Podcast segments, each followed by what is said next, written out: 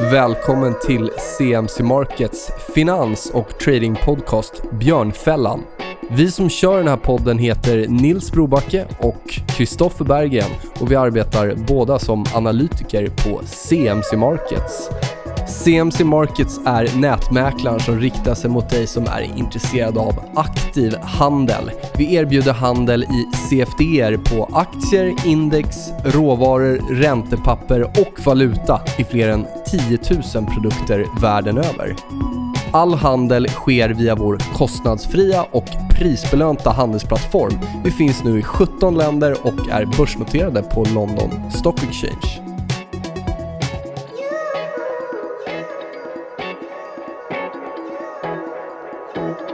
Avsnitt 72 av vår podcast Björnfällan. Och vad ska vi prata om idag, Kristoffer? Eget avsnitt, fullsmetat avsnitt. Vad har vi på agendan? Det blir prat om ETFer, ETF-marknaden. Vi kommer prata lite värde momentum-segmentet. Eh, vi kommer att prata om våra contrarian trades. Eh. Följa upp andra tekniska trades. Och eh, prata lite generellt om teknisk analys. Vad är det för någonting och varför det är bra. Mm. Och så vidare. Vi har fått lite begäran om det på, Ja. på Twitter och mejlen. Så att idag blir det, ja, som jag sa, fullsmetat. TA och ETFer. kör vi. Yes, vi hoppar väl rakt in på första ämnet och det är ETFer. Eh, vi har ju nyligen eh, ja, gjort en liten förändring i vårt ETF-bud. ETF-utbud. Vi kan först konstatera att vi fortfarande har amerikanska ETFer.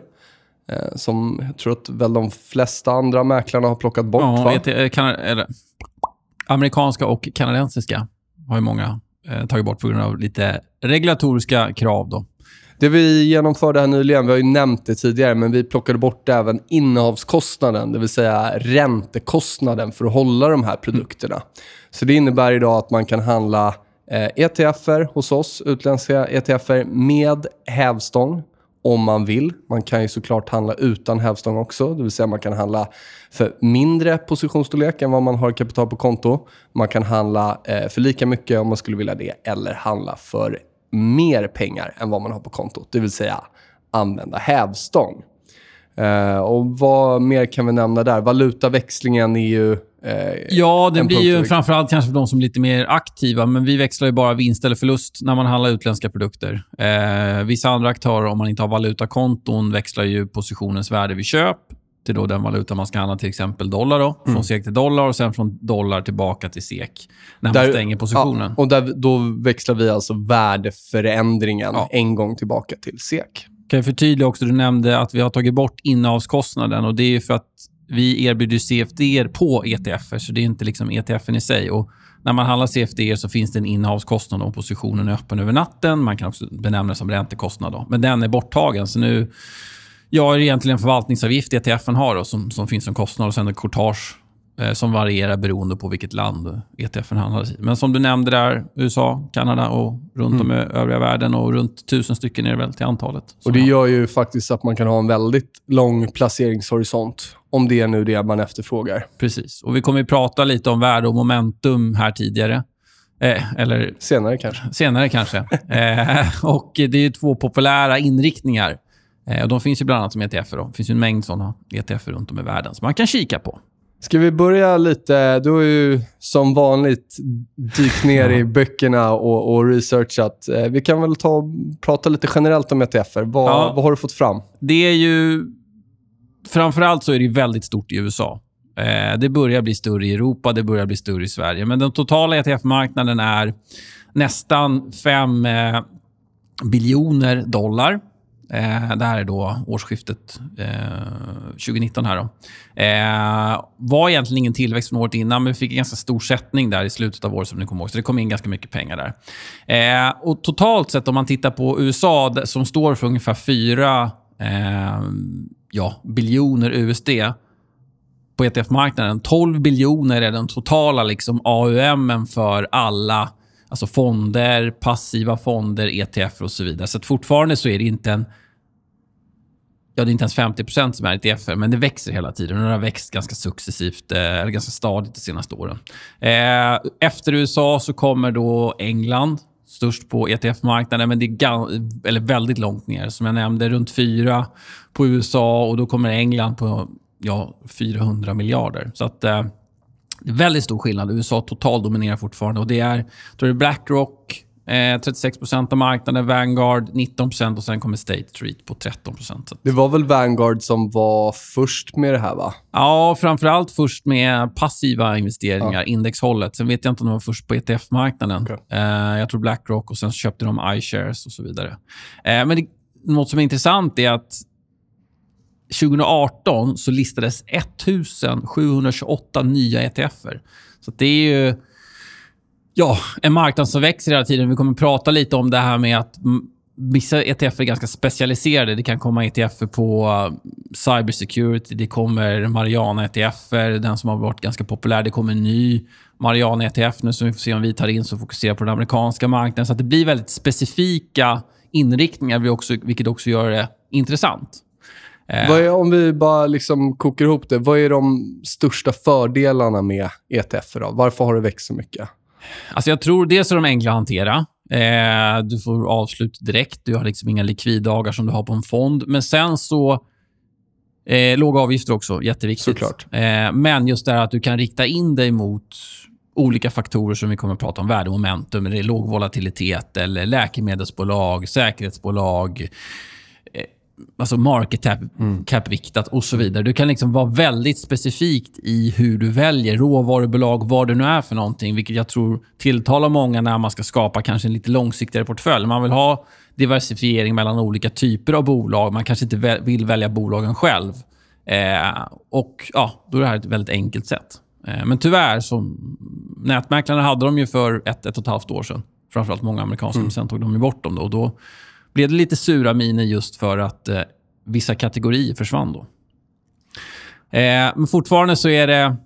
Kollar man liksom vilken, var de största pengarna finns inom liksom, ETF-kategorierna så är det storleksbaserat, alltså large cap, mid cap, ETFer, ehm, breda marknads-ETFer. Det kan vara Europa så är det mycket land-ETFer, tyska, Tyskland, England och så vidare. Så det är fortfarande där de stora volymerna finns. Men, Och Det blir ganska naturligt i och med att det är de underliggande som är... Ah, att det är de största volymerna Ja. där också. Då. Eh, obligationsmarknaden är en väldigt stor underliggande marknad med ganska liten ETF-marknad. Eh, samma sak med, med råvaror. Det är väl guld som är, som är största på ETF-sidan. Olja är inte speciellt mycket i. Eh, sen den som har växt kraftigt senare år är ju de här smart beta-produkterna eh, som har då specifika inriktningar. Eh, var 2008 stod de ungefär för 14 av eh, liksom, strategierna. Nu är de uppe i... Ja, det här är siffror från slutet av 2017. Då var det nästan 21% Så att det växer hela tiden. Just intresset för specificerade, eller specifika E ETFer. Ja, det finns ju insider-ETFer och det Ja. känns ju som att det finns... Om, det liksom, om man vill ha en smal eller nischad exponering och inte är en stor institution eller fond eller vad det nu är, då är det ETFer man ska kolla Mm. på egentligen. Men även en del fonder. Eh, vi hade ju vår senaste intervju Ja, eh, med Peder absolut. Dörje. Han körde mycket ETF. Absolut. Eh, just för att komma åt så här specifika faktorer. Då. Eh, men det är också en del som... Många av dem vi har intervjuat har varit lite oroliga för i ETF-marknaden att den kan ställa till lite problem. För att så länge det går upp och flödena liksom är positiva, då är det egentligen inga problem. Men har du väldigt smala ETFer där det kanske till och med blir så att volymen i ETF nästan är större än i- den underliggande marknaden så blir det väldigt stökigt när alla ska ur de här ETFerna. För de är ju också mekaniska. Är du förvaltare så kan du ju kanske ha några bolag i fonden som liksom, där du dumpar likviditet. Eh, Men ETFer har ju förmodligen specifika vikter och då bara säljer de av mekaniskt när det sker en nedgång. Eh, En Eller när det sker utflöden. Ja. En produkt som det har pratats om när det gäller det, det är ju den här HYG som vi gillar att kolla på, High Yield Corporate Bond Index, Mm. där, där den ETFen har bety- handlas betydligt mer än vad underliggande bolag gör. Mm. Och Vi har väl inte sett någon riktig sån sånt scenario ännu. Även om vi fick någon typ av flash crash mot slutet av året här så har vi inte sett att det liksom avviker markant mot Nej, inte, de här i, inte liksom en i, ihållande nedgång på samma sätt. De har varit ganska snabba. Mm. Ehm, och Tittar man på de stora rörelserna så är det ganska intressant att när det väl blir... Om vi exempelvis tar VIX-smällen i början av ja, februari 2018 så kom den totala omsättningen, alltså den totala börshandeln den eh, var det dagen eller månaden var nästan 40% ETF-volymer som stod för liksom den totala omsättningen. Och ganska likt hur det såg ut eh, 2015 va, när Kina devalverade och även eh, 2011 när S&P blev nedgraderade. Eh, om jag förstår det rätt. Ja, precis. Ja, Eller S&P nedgraderade USAs ja. kreditrating och då blev det ju riktigt stökigt.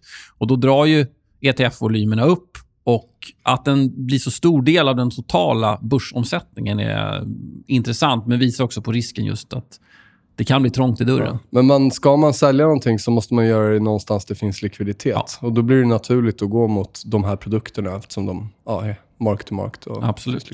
Eh, vad som var också... Det var en incident i... Det här blir väldigt specifikt, men det visar också på risken med ETF-erna. Eh, det var i Brasilien i sommaren 2018. Eh, lite stökigt där och då stod fanns finns en ETF som Blackrock har som heter ja, Blackrocks Brazilian ETF. Eh, den stod för nästan hela eh, volymen på den brasilianska börsen under juli månad. Ja, det är helt galet när man tittar på den stapeln. I princip hela, som du säger. Eh, är en ETF som ja. stod för. Och Det visar ju på att förmodligen har det pumpats in mycket pengar i den ETFen. Och Sen var det någon stor institution eller någon eller några stora investerare som alla vill ut. Eh, och ja, Det blev lite stökigt. Eh, det, det, det, löser sig ju, men att en ETF kan stå för nästan hela marknadens volym under vissa tillfällen, det säger bara att det kan bli, kan bli stora rörelser. Så jag tror att det var Peder Durri också som pratade om att det kan bli väldigt stora spreadar mm. i ETFerna när det stökar till sig, för att det finns liksom inga volymer på köp eller säljsidan. Jag får mig lyssna på någon podd förut också som pratade om eh, volymerna i ETF när VIX-smällen skedde. Mm. Det fanns liksom... Icke-existerande. Nej, och även i stora ETF, mm. typ Spider och sånt mm. där, så blev spreaden gigantisk mm. just för att köpare och säljare liksom, de finns inte där. De ställer sig på sidlinjen och då drar ju spreadarna ordentligt. Sen är kanske det mer en risk för de som tradar dem, mm. snarare än de som kanske är, är for the long run.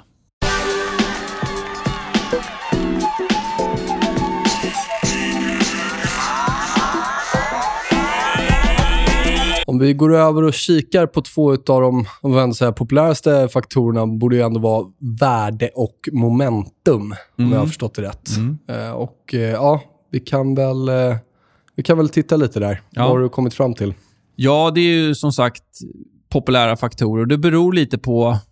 Jag tror att de är hyfsat lätta att förstå. Framförallt värde, att man ska köpa lågt värderade bolag. Och momentum, man köper bolag som liksom har gått kraftigt och som kommer fortsätta.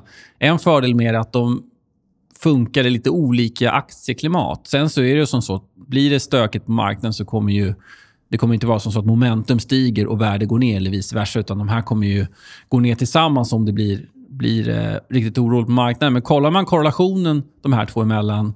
Eh, det här är perioden 63 till 2007. Det är Research Affiliate som har gjort den här eh, tabellen som jag har framför mig. Men då ligger... 2017, va? Eh, ja, förlåt, mm. 2017. Då ligger korrelationen mellan värde och momentum på minus 0,19. Vilket innebär att de Alltså är det en minus ett så rör de sig precis tvärt emot varandra. Är det noll så är det, finns det egentligen inget samband. Är det plus ett så rör de sig mm. precis likadant. Så att det finns en viss negativ korrelation. Kollar man de senaste 15 åren så är korrelationen minus 0,5. Det kan förklaras av olika saker. Vi har två börskrascher. Vi har en momentumrörelse som var riktigt kraftig när vi hade IT-bubblan till exempel. Vilket gör att förmodligen korrelationen har, har dragit isär lite mellan de här. Men ändå på så pass lång sikt som tillbaka till 63 så är det negativ korrelation. Eh, vilket är intressant. Sen så, det är två typer av strategier. Men jag kollade på... Det finns mycket information om det här. Men en av de bästa som jag har läst på senare tid är en artikel som heter Factors from Scratch som är gjord av Oshonus Asset Management. Och tittade man på just de underliggande faktorerna till prisförändringen i värdeaktier och momentumaktier. Eh, och man kom fram till att det var ungefär samma sak som, som styrde priserna. Eh, och Det här var bara large cap-bolag. Så det var inga small cap, micro cap och så vidare, utan large cap.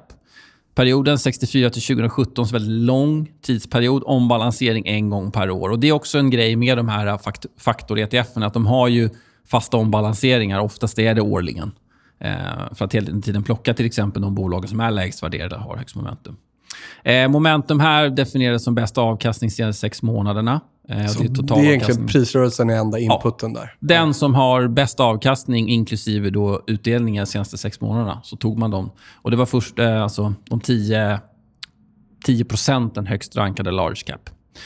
Eh, värde, då kombinerade man PS, PE, ebitda, eh, EV, free cash flow, EV. Och sen så de som då... 10 procenten av de som var lägst värderade, också large cap, fick vara med i den portföljen. Då. Eh, procentuellt sett utveckling per år 13% Kollar man på värde, eh, om man kollar på värdeportföljen per år. Eh, för den bästa percentilen, den sämsta gav 8,5 eh, och Det som var intressant här, man tänker att värde, det är lite långsamt. Eh, det, sker i, det borde inte hända så mycket. Det tar ett tag innan marknaden får upp förväntningarna eh, eller får upp ögonen för de här bolagen. Men nästan 40% av portföljen omsattes varje år. Alltså vid varje ombalansering. Det betyder att uppvärderingen sker ändå ganska snabbt. För att nästan 50% av portföljen, portföljen byts ut varje år. Vilket gör att de här bolagen som man tar in har gått från att vara de mest undervärderade till att försvinna ur den kategorin. Och Det gör de ju på grund av att priset stiger. Men du såg något exempel där att om man hade ombalanserat var tionde år så skulle man tappa eh, större delen av den här överavkastningen. Stämmer det? Ja. Och då, ja, det hänger ju också lite ihop med värde då, såklart. Köpa billigt och sälja dyrt. Så den är beroende av... Eh, alltså edgen ligger att man faktiskt byter ut de här bolagen Ja, för att eh, värde... Alltså den här uh, multipelexpansionen som det blev kommer så pass snabbt som den ändå gör vad gäller värde. Vad gäller momentum kanske man kan tänka sig det mer. Men att värde ändå är så snabbrörligt var faktiskt, eh, tyckte jag var väldigt intressant. Eh, och Det man tittade då på, vad är det som skapar prisuppgången i de här? Och Det var just moment, eller eh, förändringen av P tal som stod egentligen för all förändring av värdet. Så att P talet gick från 10 till 15 säger och så, så ombalanserade man. Då kom man ner på 10 igen och sen så gick det upp till 15. Och Jag tror till och med att eh, vinst per aktie eller försäljningstillväxt och så vidare, marginaler var stillastående eller svagt negativa trots att man fick den här eh, momentumförändringen, då, eller prisförändringen. Momentumbolagen, ungefär samma, samma årliga avkastning, 12,58 där per år om man kollar på de eh, 10% med bäst momentum. Samma sak här, man höll dem i ett år. Men håller man dem längre, då försvinner den edgen. Så att även här så skedde uppvärderingen ganska snabbt. Eh, men håller man kvar dem så fanns inte riktigt det momentumet kvar. Och återigen, multipel expansion var det som var drivaren, det vill säga att P talet ökar. Här gick man dock in i lite dyrare bolag som blev dyrare. Medan i värdecaset så gick man in i billigare, billiga bolag så att säga, som blev lite dyrare. Så här fortsatte liksom premiumvärderingen. Men, det, nu säger jag intressant hela tiden, det gör jag alltid. Men det jag tyckte var intressant var just att det är marknadens sätt att överreagera som genererar avkastningen i slutändan. För värde överreagerar på nedsidan. Momentum överreagerar på uppsidan. Men fortfarande så är det marknadens liksom sätt att se på bolagen som är det som skapar avkastning snarare än bolagens fundamentala faktorer. Det var Mattias Eriksson som sa här för massa avsnitt sedan att börsen är en drama queen. Ja. Och det stämmer väl ganska bra då, ja. enligt det här. Och Sen är det ju visst, på tio års sikt så, så funkar de ju inte. Då, men då, då, kan man inte, då har man inte en årlig ombalansering. Men att just undervärderade bolag omvärderas så snabbt, det var lite överraskande för mig faktiskt. Eh, och Ska vi runda av det här med momentumvärde. Anledningen till att de passar ganska bra ihop som strategier, det är för att värde har en tendens att överleverera när marknaden eh, liksom vänder efter en stor börskrasch och rör sig mot fair value, så att säga. Medan momentum har en tendens att överleverera när marknaden rör sig från fair value, det vill säga mer i bubbelper bubbelperioder. Som nu kanske? Ja, kanske. Återstår Ja, momentum har ju varit starkt om man tittar på en lite längre period. Eh, och Det är också därför de här gärna kompletteras eh, med varandra. För att de funkar i olika klimat helt enkelt.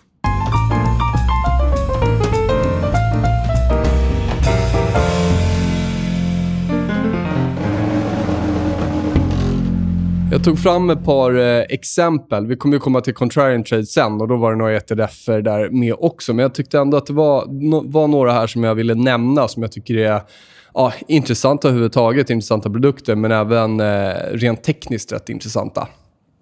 Sa jag det också tre gånger? Intressanta. Eh, QQQ-ETFen från Invesco som egentligen är en ja, med underliggande Nasdaq. Och precis som Nasdaq handlas den till all time high nu.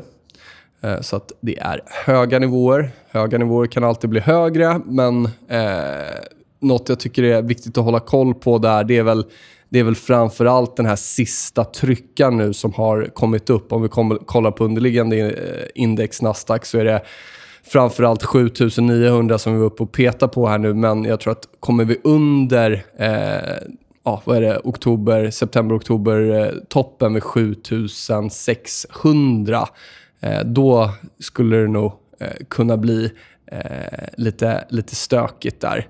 Tillsammans också hur Dow och S&P eh, rör sig såklart.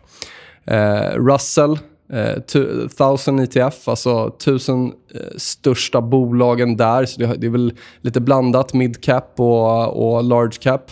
Den är uppe och testar all time high. Den har inte brutit över. Eh, vid lite drygt 164 US-dollar. Och Det tror jag är en absolut en nyckelnivå att hålla koll på.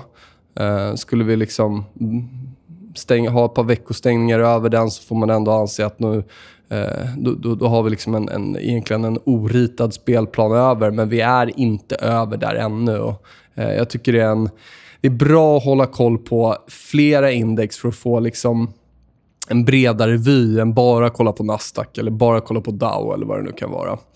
Eh, något som är spännande det är eh, hela short vol-traden. Det är ju en trade som vi pratade om i podden 2016 och vi följde upp det såklart efter Volmageddon 2018. Och det vi kan notera nu är att nu är vi egentligen på den största spekulativa korta positionen i vol igen. Det vill säga större än vad den var innan Volmageddon i januari 2018, februari 2018. De största volymerna alltså som ligger kort, VIX? Ja, spekulativa. Terminen eller ja. VIX-index. Och där har vi en ETF som visar det, eh, som heter iShares S&P 500 Minimum Volatility ETF. Så den har just printat all time high. Så det tycker jag är, är spännande. Kan det fortsätta? Absolut. Vi kan fortsätta ha en lång utdragen period av liksom lägre och lägre volatilitet. Jag tycker ändå att det är värt att notera all time highs eller testar all time highs i de breda indexarna. Och nu har vi återigen hela det här komplexet av short vol-handlare mm. som är liksom extremt tiltade. Och det här är ju, det är som du säger, det kan ju fortsätta och det, jag kommer ihåg när vi pratade om det sist, så VIX fortsatte ju länge på väldigt låga nivåer innan det liksom smällde. Men det som problematiken nu är att vi är tillbaka med extremt stora positioner på kortsidan. Så får man en trigger så kommer det bli en jätte-short squeeze. Och någonstans... Alltså investerare och handlare har ju ett minne. Vi har ett mm. minne av vad som hände förra året. Mm. Och kollar vi på stickorna, även om vi har haft ett helt brutalt race från botten i slutet av december här, så är det en annan våldregim. Det är större candlesticks. Det rör sig mer. Eh, Men det, det också är ju, nu ska jag inte använda ordet intressant här, utan anmärkningsvärt mm. kanske, att det är så extremt mycket korta positioner i VIX, det vill säga man torskar pengar om mm. den stiger, när vi har haft den inledningen på den som vi har haft. Mm. Alltså det är ju känns som att man borde vilja hedga kanske de vinsterna som ligger någonstans. För det här är ju stora spekulativa positioner. Mm. Mm. Eh, men jag vet inte. Eh. Ja, men det blir ju nästan... Eh, det blir nästan liksom... Det spär ju på när det mm. kommer upp mot de här nivåerna och så mm. kommer flera in. Lång igen index eller kort vol igen.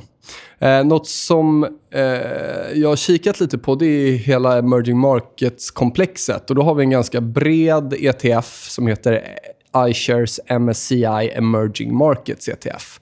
Och Den har inte varit uppe och testat all time high. Utan vi handlas faktiskt en bit under all time high som var vid 51 US-dollar. Vi är nere vid 45. Och eh, Kan vi bryta ovanför 45, då kanske vi ska se det här all time high-testet. Men jag tycker mig se att vi snarare lutar åt ett återtest av 40 US-dollar. Så det är lite drygt 10% ner här från de här nivåerna. Då. Eh, så att, håll koll på den, 45-nivån i eh, iShares MSCI Emerging Markets ETF. Och Sen har vi, om vi vill bryta ner det lite, så kan vi kolla på Indien. Samma iShares MSCI, men India. Eh, Index ETF. Och den handlas egentligen kring eh, septembertoppen vid eh, 9000 dollar lite drygt. Då. Och det är också under all time highet. All time highet ligger på 9700, så vi ser ungefär samma scenario där. Eh, Brasilien som vi var inne på, det här är Lyxors ETF, Brasil eh, Bovespa. Eh, den satte faktiskt ett nytt all time high här i februari. 20 600 var den nivån. Men nu har vi faktiskt handlats ner och vi är under, eller testar, samma nivå som agerade motstånd både 2016, 2017 och i eh, februari eh, 2018. Då. Så att, eh, ja, eh, håll koll på det. Emerging markets eh, har lite diskrepans mm. mot, eh, i alla fall om vi tittar på USA. Till exempel. Och Brasil är ju väldigt, Brasil. Brasilien är ju väldigt råvaruberoende. Så att, så rör det sig på råvarufronten så rör det sig i Brasilien. Uh, och sen kommer vi till uh, uh, ett väldigt brett och bra, tycker jag, dollarindexprodukt, det vill säga PowerShares US Dollar Index Bullish Fund. Och eh, Den har egentligen konsoliderats sedan oktober 2018 men har nu faktiskt printat två veckor utanför den här konsolideringen på uppsidan. Och Stänger vi nu den här veckan Eh, där vi är någonstans nu, eh, då får jag nog eh, erkänna mig besegrad på... Jag har hela tiden trott att det är en dollartopp som vi ser här nu, som har formats sen i oktober förra året. Men börjar vi stänga kring de här nivåerna som vi är nu, då får man nog nästan säga att vi har gjort en ny topp i dollarn och då är det fortsatt upp som gäller. Och vi kan ju framförallt se det på ja, USD-SEK, och de här andra, eh, ja, eller andra emerging markets-valutor, på säga, men andra emerging markets-valutor ja, där vi printar all time lows mot USD. Däremot, eurodollar har kommit tillbaka här senaste månaderna, försvarar fortfarande en 12 som jag tror är otroligt viktig eh, enligt teknisk analys. Då. USD-JPY har flyttit under 112 såg jag här nu när vi kom in. Så att några av de här stora eh, valutaparen, de viktigaste, de indikerar fortfarande att det finns ett scenario där det här ska vända ner. Och vi handlades faktiskt ner lite i dollarindex igår. Alltså att hyperintressant stängning den här veckan. Och jag skulle framförallt vilja ha den under 26 000 jämt. Då. Och det är månadsstängning idag också va? Ja, men jag tror faktiskt att veckostängningen blir Eh, även om den långsiktiga stängningen alltid brukar styra över den kortsiktiga så är det i veckostängningen som jag har hittat den här symmetrin som jag tittar på. Då. Och jag vet, du hade väl, vi eh, kommer prata om det snart, oss, oss i US-dollar mm. och den mm. försvarar ju fortfarande 0,7 mm. Den är ju lite illa ute, ja, men den är lite illa försvarar ute. fortfarande viktiga nivåer. Ja,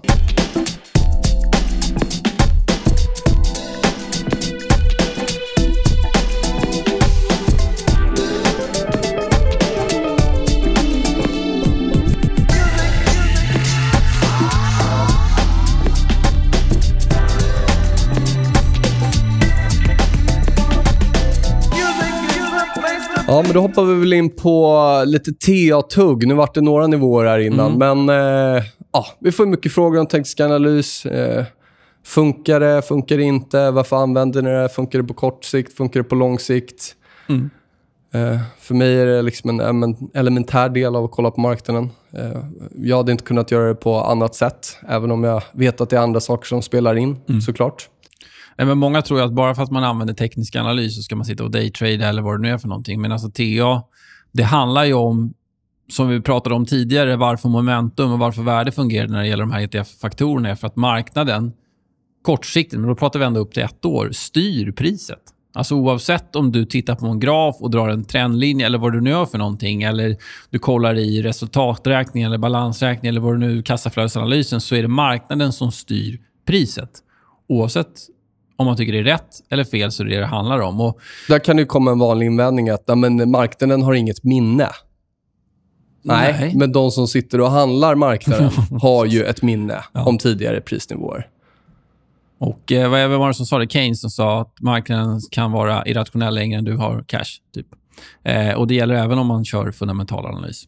Eh, men hela tiden, bygg, allt bygger på antaganden. Teknisk analys bygger på antaganden. Vi kollar ju man tittar ju, försöker hitta hitta vad ska jag säga, viktiga nivåer i grafen där det ser ut som att det kanske har funnits en obalans mellan köpare och säljare. Det kan vara horisontella stöd eller motståndslinjer som har försvarats. Det kan vara trendlinjer som har försvarats. Det finns ju en anledning till att priserna rör sig som de gör vid specifika nivåer. Sen om det är självuppfyllande eller om det är ordrar som ligger där eller vad det nu är för någonting som gör att priserna rör sig så är det ju intressant att det rör sig. Mm. Och jag, jag, jag jag brukar alltid säga det om det är utbildningar eller när vi pratar med kunder eller vad det nu kan vara. att Det absolut enklaste sättet, eller enda sättet menar jag på att ta in all information som finns ute i marknaden eller om en aktie eller en råvara eller vad det nu är, det är att titta på priset. Mm. Det är priset som berättar för oss.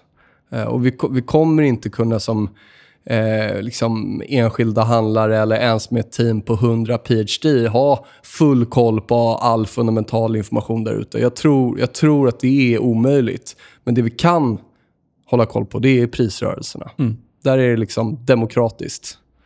Och Det är en annan viktig del. Även om man är fundamentalt inriktad så säger ju prisrörelse någonting om vad marknaden exempelvis tycker om bolaget. Man kan tro att det kommer in en väldigt bra kvartalsrapport nu när det är rapportperioden, men ändå går aktien ner. Eller en dålig rapport kanske det känns som det, men aktien går upp. Varför det? Jo, för att det kan vara ett bolag som är extremt håsat, som inte riktigt lever upp till förväntningarna och säljs på trots att det ändå är en bra rapport, så att säga. Och det kan vara tvärtom. Men att ett bolag säljer av på fundamentalt starka siffror säger ju någonting om synen på bolaget utifrån marknadens perspektiv. Precis som att ett, en svag rapport handlas upp av marknaden. För det är marknaden återigen som bestämmer vad man tycker om bolaget i det här exemplet. Absolut. Och där tror jag att det är verkligen någonting som är kraftfullt och som, som jag har tagit till mig de senaste åren av att titta på fler pristillgångar än att vara väldigt kortsiktig i valuta. Att kombinationen teknisk analys med att få en känsla för sentimentet, om det är rent kvantitativt, hur hur man har positionerat sig där ute eller om bara vad rådande sentiment är, om det är på Twitter eller nyhetsflöde och så liknande. Det är extremt eh, kraftfullt. Så har man en teknisk vy att någonting är billigt och man vill köpa det och eh, väldigt, väldigt många andra står på andra sidan, då ökar det bara liksom viljan att ta den traden. För får man rätt då så får man väldigt, väldigt rätt. Eh, och som du sa också, bra nyheter kan handlas ner på, dåliga kan handlas upp på. Ett, liksom, man kan dra en parallell där med teknisk analys. Det kommer absolut inte liksom, falla ut 100% av gångerna enligt ett mönster, köp eller säljsignal. Men det viktiga där tycker jag är, sitter alla och kollar på en formation i grafen och sen fallerar den, det är kanske, om inte lika stark, så ännu starkare signal åt andra hållet. Så det är inte bara för att vi börjar se liksom någon typ av formation eller setup i, eh, i en graf att, att ja, men nu ska vi agera på det här. Utan vi måste vara ödmjuka inför att det sitter resten av liksom världens bästa handlare sitter också och kollar på den här formationen. Och Det är snarare hur den spelar ut som blir viktig för mig. Jag tror, att det är jag tror alltid att det är svårt att liksom Eh, Eh, även om det kan funka över tid så tror jag att det är svårt att, att, att, att bara agera på att ja, men huvudskulder ska alltid bryta åt det här hållet eller trianglar åt det och så vidare. och Så vidare. Så att en, en fallerad signal eller en fallerad formation kan vara starkare eh, signalen eh, åt andra hållet. Då, så att säga. Och sen en, en av de största fördelarna som jag tycker med, med teknisk analys det är att det är ofta ganska tydligt om man så att säga har rätt eller om man har fel. Sen handlar det om att man själv ska gå i positionen och inte sitta kvar. Men att du får en struktur och du får en disciplin och så vidare som kanske... Jag investerar både på kort och på lång sikt. Eh, men det jag kanske saknar i den fundamentala vyn som jag har, det är att den är lite mer luddig än den tekniska vyn. Och Den tekniska vyn säger mig att okej, okay, jag trodde på ett utbrott här, det blev ett utbrott, men så visade det sig att det var ett felaktigt utbrott. Även om jag tänkt ha den här positionen i några månader för att det är en lång, mer långsiktig swing position så kan jag ha fel och jag kommer ha fel, men då får jag den bekräftelsen ganska snabbt och då går jag ur positionen. Ja, men du får feedback direkt. Ja, men Eller, det fundamentala ja. märker jag själv. Där är jag mycket mer förlåtande i att mm, om en kanske, jag väntar till nästa kvartalsrapport och så vidare. och så vidare. Men här är feedbacken liksom ganska direkt, vilket jag tycker är en stor fördel just för att psykologiskt för mig så blir det mycket enklare. Och att ställa om att komma in som jag hade ett relativt bearish bias i början av åren, året, i alla fall på index. Eh, och hade man liksom försökt att, att titta på någon värde så hade det ju bara blivit billigare under hela den här perioden. Men då hade man ju suttit och kortat in i det här och liksom, eh, missat hela den här uppgången som var. Men enligt teknisk analys, om man då passerar de nivåerna som man anser är skiljelinjen för vad som är risk-on, risk-off, men då kan man ställa om. Och även om man då har missat liksom det första lilla uppstället så får man vara med på den stora, stora resan sen. Då. Mm. Uh, så det, det, tror jag är, för att vara pragmatisk och uh, och inte binda sig fast vid, vid, några bias, så tycker jag också att liksom, TA är fantastiskt. För det är, som du säger, verkligen feedback ganska snabbt på om man är rätt på bollen eller inte. Och det är lätt att ha en åsikt om egentligen alla marknader oavsett vad man kan om den underliggande marknaden. För att det enda vi utgår ifrån är prisrörelsen. Sen om det handlar om ett biotechbolag eller jag ska in och handla eh, platerna eller vad det nu är för mm. någonting spelar egentligen ingen roll, för det är den underliggande rörelsen jag är intresserad av. Sen om det på aktiesidan kanske är så att okej, okay, vi får ett utbrott här.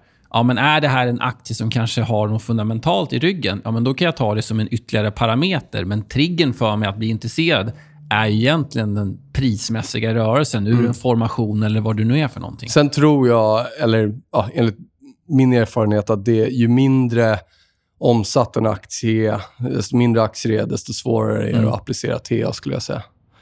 Så är det Det blir lite slagigare. Ja. Uh. En vanlig invändning är att det inte finns några rika TA-killar. Uh, kan ju fråga Jeff Grundlars, du kan fråga Stanley Druckmiller. Ja, Till och med George Soros ja. applicerar det. Du har några av världens största trendföljande fonder som har eh, liksom klar eh, TA-input eller prisinput. Det är också har... en missuppfattning att okej, okay, TA, det ska vara 35 indikatorer, man ska handla i 5-minutersgrafen. Men alltså det handlar ju, som vi var inne på tidigare, att försöka identifiera trender, prisförändringar och så vidare. Men de vi nämnde nu handlar ju på mycket längre sikt. Men det betyder fortfarande att det är teknisk analys, bara, liksom, bara för att vi inte tittar i enminutersgrafen. Stämmer bra. Eh, och fundamental analys, det är liksom ingen... Alltså det är inte exakt det heller. Alltså det, allt bygger på antaganden. Mm. Jag kan få fram vilket framtida värde på ett bolag som helst genom att bara skicka in konstiga siffror i min liksom kassaflödes, alltså min DCF eller vad man nu använder för någonting. Men det är fortfarande inte kopplat till verkligheten.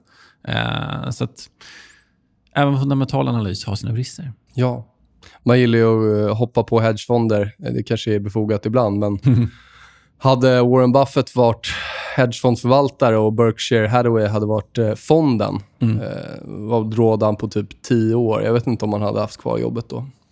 Nej, precis. Det finns ju lite roliga artiklar som är skrivna just om Berkshires eh, drawdowns och hur de har underlevererat mot marknaden på, ja, men som du nämnde, tioårsperioder. Mm. Och i efterhand så kanske inte det låter så långt, men när du är inne i en tioårig alltså underleverans i tio år, då är det väldigt jo, lång tid. Som vi sa, hade du köpt en hedgefond så hade du ja, skickat nej. den. Ja, ja, visst. Och så kan vi nämna också att, det har ni har hört när vi har haft intervjuer här, men många av de förvaltare som vi har haft med, även om man har liksom en, en, en fundamental approach och det är basen, så skulle jag säga att nästan alla, om det är när micken är på eller micken är av, har ett tekniskt tänk. Och det, är liksom, det är så tydligt. Ja, men man är intresserad av hur priset rör sig. Man är mm. intresserad av intressanta nivåer. Som du var inne på tidigare, det kan ha att göra med nivåer som alla andra håller koll på. Men då vet jag att alla andra håller koll på de nivåerna. Blir det självuppfyllande? Ja, men det spelar väl ingen roll. Jag vill ju få rörelsen med mig. Eh, om det då handlar om att kolla på nivåer som alla andra kollar på, så gör det.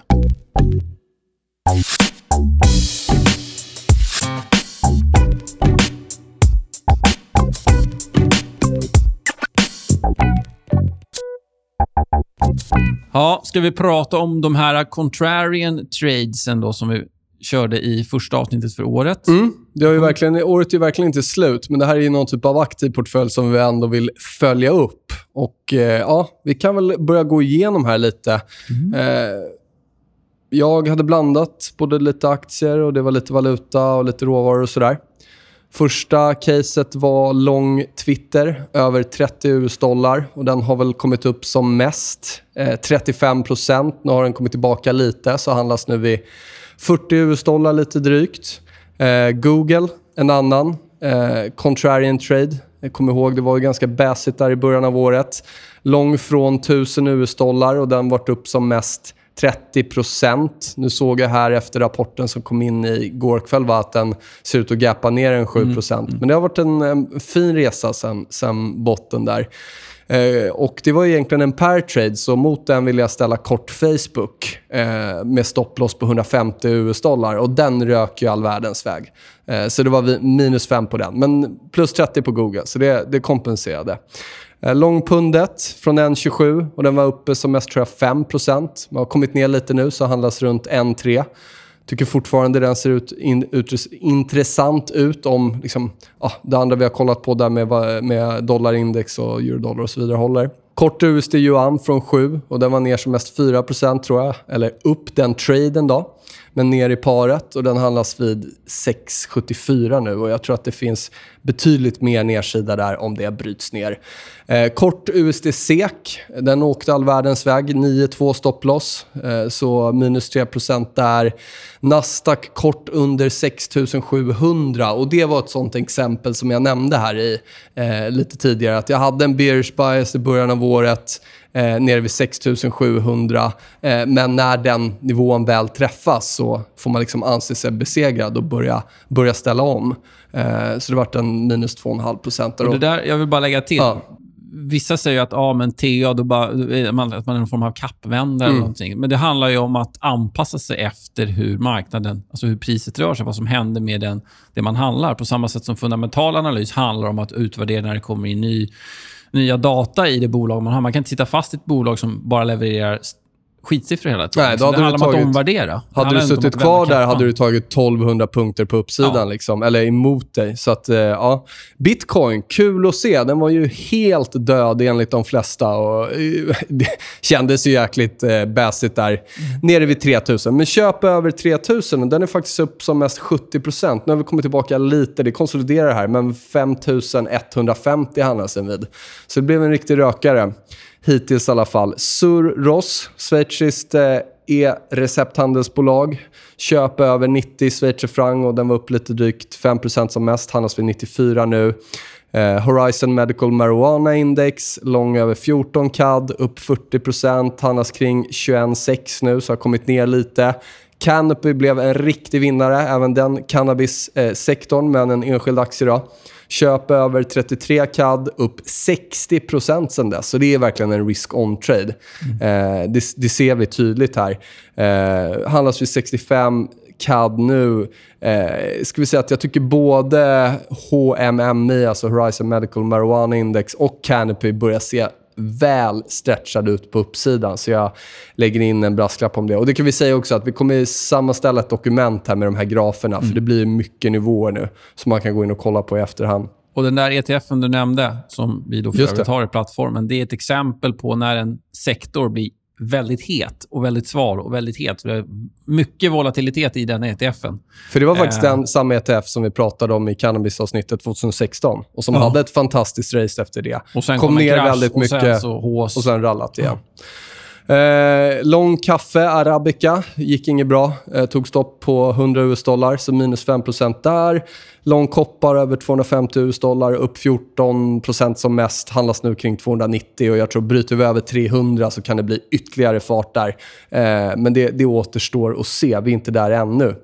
Lång US 10 year om 121 håller och det innebär alltså kort eh, ränta. Och eh, den har vi tryckt på bra, var upp mm. som mest 3% där. Nu har vi kommit ner lite, men jag tycker fortfarande det ser ut som att vi kan få mer räntenedgångar i USA och därmed bör det indexet stiga.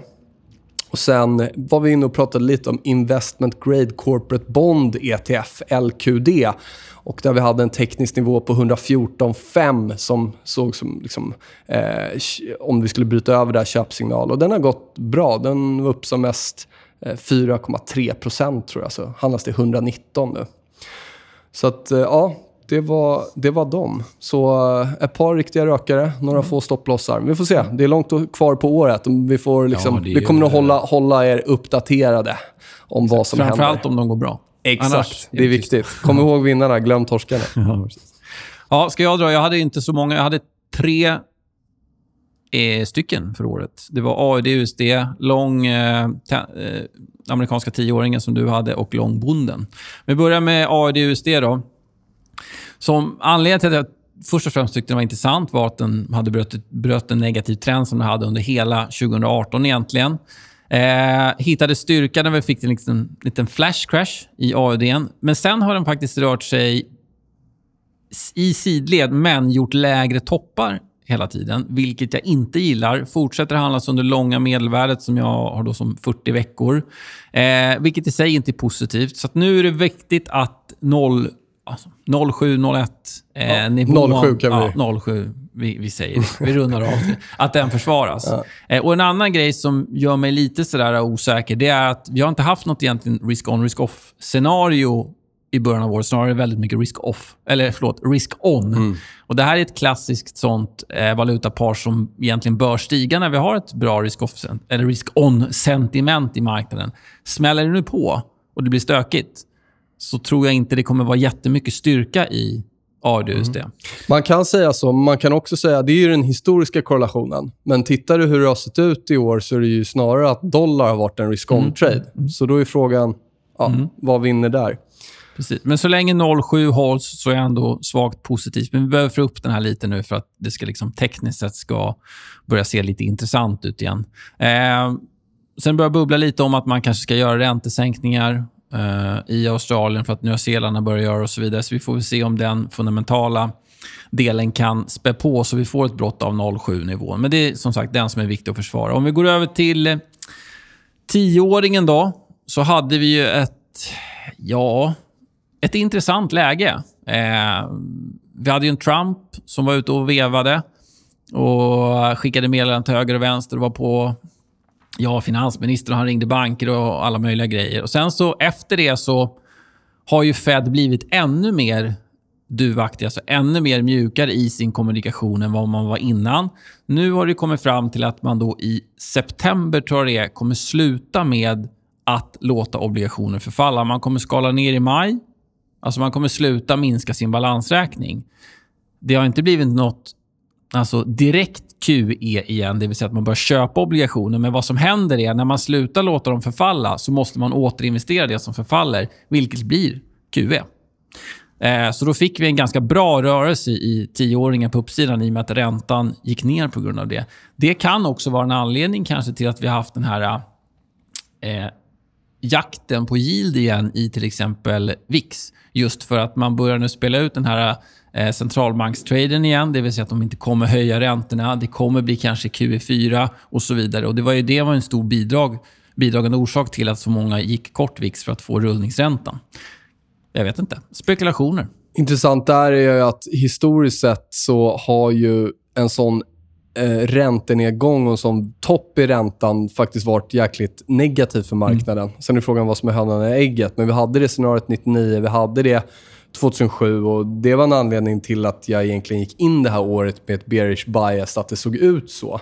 Eh, och Det är en klar diskrepans, för nu är vi uppe i all time highs igen och frågar hur det där spelar ut. Jag tror jag kanske, om inte dollarn är det viktigaste, så USAs tioåring extremt viktig att hålla koll på här för fortsatt, eh, fortsatt liksom navigering. Tekniskt sett så pratade vi om 123.30-nivån, mm. att den var intressant på uppsidan. Vi bröt den i eh, mars.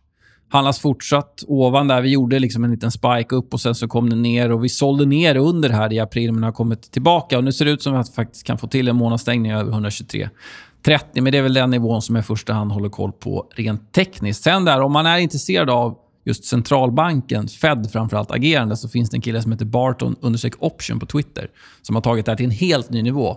Eh, att analysera eh, köp av obligationer, förfallna eh, obligationer och så vidare. Så tycker man det är intressant, spana in den killen. Sen sista då, det var bonden lång. Eh, den har ju haft en riktigt bra utveckling. Den har dragit på ordentligt. Jag tror vi var... Eh, vi var på petade vid eh, Eh, den här långa negativa trendlinjen som vi hade från början av mars 2016 när vi pratade om det här. Eh, vi hade liksom inte stängt ovanför än. Eh, men sen fick vi en ordentlig eh, rörelse i eh, räntan som bland annat gick ner på negativa nivåer. Då fick vi riktigt bra tryck i den tyska obligationen då, som så att säga, rör sig motsatt nu har det lugnat ner sig lite kring Brexit. Bonden är ju en väldigt så här, safe haven-plats eh, just när det är lite stökigt bland europeiska länder. Det blir bland annat det som bidrog till negativ ränta där när det var väldigt stökigt kring Brexit. Får vi se om vi kan komma tillbaka där, men fortsatt så handlas vi på intressanta nivåer. Viktigt stödområde 166,10 ner till 165,70 ungefär. Eh, vi är på 166,65 just nu. Eh, topparna ligger, som vi är uppe och petade på, där vi har nästa motståndsområde runt 168,40. Så det är väl det jag kommer hålla koll på på uppsidan. Men säljer ner under 165,60-ish så är det 164,40 jag håller koll på i första hand. Men de här kommer vi som sagt uppdatera, som du nämnde. Det är svårt att hålla koll på alla nivåer.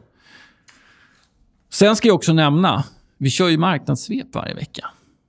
Eh, där vi går igenom S&P, svenska indexdax, lite valutapar, eh, råvaror och så vidare. Och De lägger vi upp på YouTube, så där ser man ju visuellt de eh, graferna som vi pratar om. då. Så det är ett tips. Gå in på vår YouTube-kanal, CMC Markets Sverige. Nu har vi pratat mycket om vad som har hänt. Uh. Jag tänkte väl bara sammanfatta lite ah, långsiktiga, eller vad jag tycker är viktiga nivåer för att definiera risk-on, risk-off. Mm. I det contrarian-avsnittet vi hade här 13 januari så nämnde jag några nivåer som om de passeras så eh, vill jag ställa om min, min vy från eh, risk-off till risk-on. Och De nivåerna då var high yield, som jag ville skulle bryta över 84.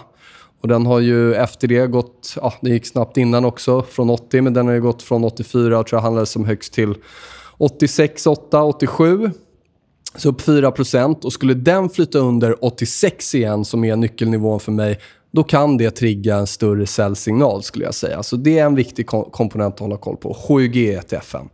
Crude oil, eh, 61,2 var viktiga nivån där och den bröts. Och ja, vi har varit uppe faktiskt en bit över 74 tror jag. Nu har vi kommit ner där lite, vi är 72. Så den var upp alltså, ja, 20% till 72 var ännu mer upp. Då. Så att halkar vi nu under 70 US-dollar igen, då skulle jag säga att det är en risk-off-indikation. Eh, och Det där kommer nog hänga ihop lite med HEG också, för det är ganska energirelaterat. S&P där var det 2700 som var liksom skiljelinjen för risk-on, risk-off. Det kommer vi ihåg. Vi kom över där och sen drog vi hela vägen upp till eh, 2938 som högst tror jag är highen, alltså 8 upp. Och där tror jag att om vi kommer under 2930 igen eh, så kan det vara en, en indikation på risk-off. Och så sista då, håller oss till Sverige, OMX 1550. Det var linjen i sanden där. Eh, vi tog oss upp, etablerade oss ovan, testade den från ovansidan. Köpare tog tag igen och sen drog vi ja, ända upp till tror jag 1693 eller om vi var ännu lite högre. Då. Mm. Nu har vi kommit tillbaka lite. Jag såg att precis innan vi gick in här handlas vi eh, precis över 1675 som för mig är eh, den viktiga eh, nivån att hålla koll på nu här. Eh, beroende på hur det ska spela ut framgent. Så 1675, börjar vi stänga under den, eh, då eh, tror jag att vi kan ha lite risk-on off framgent här.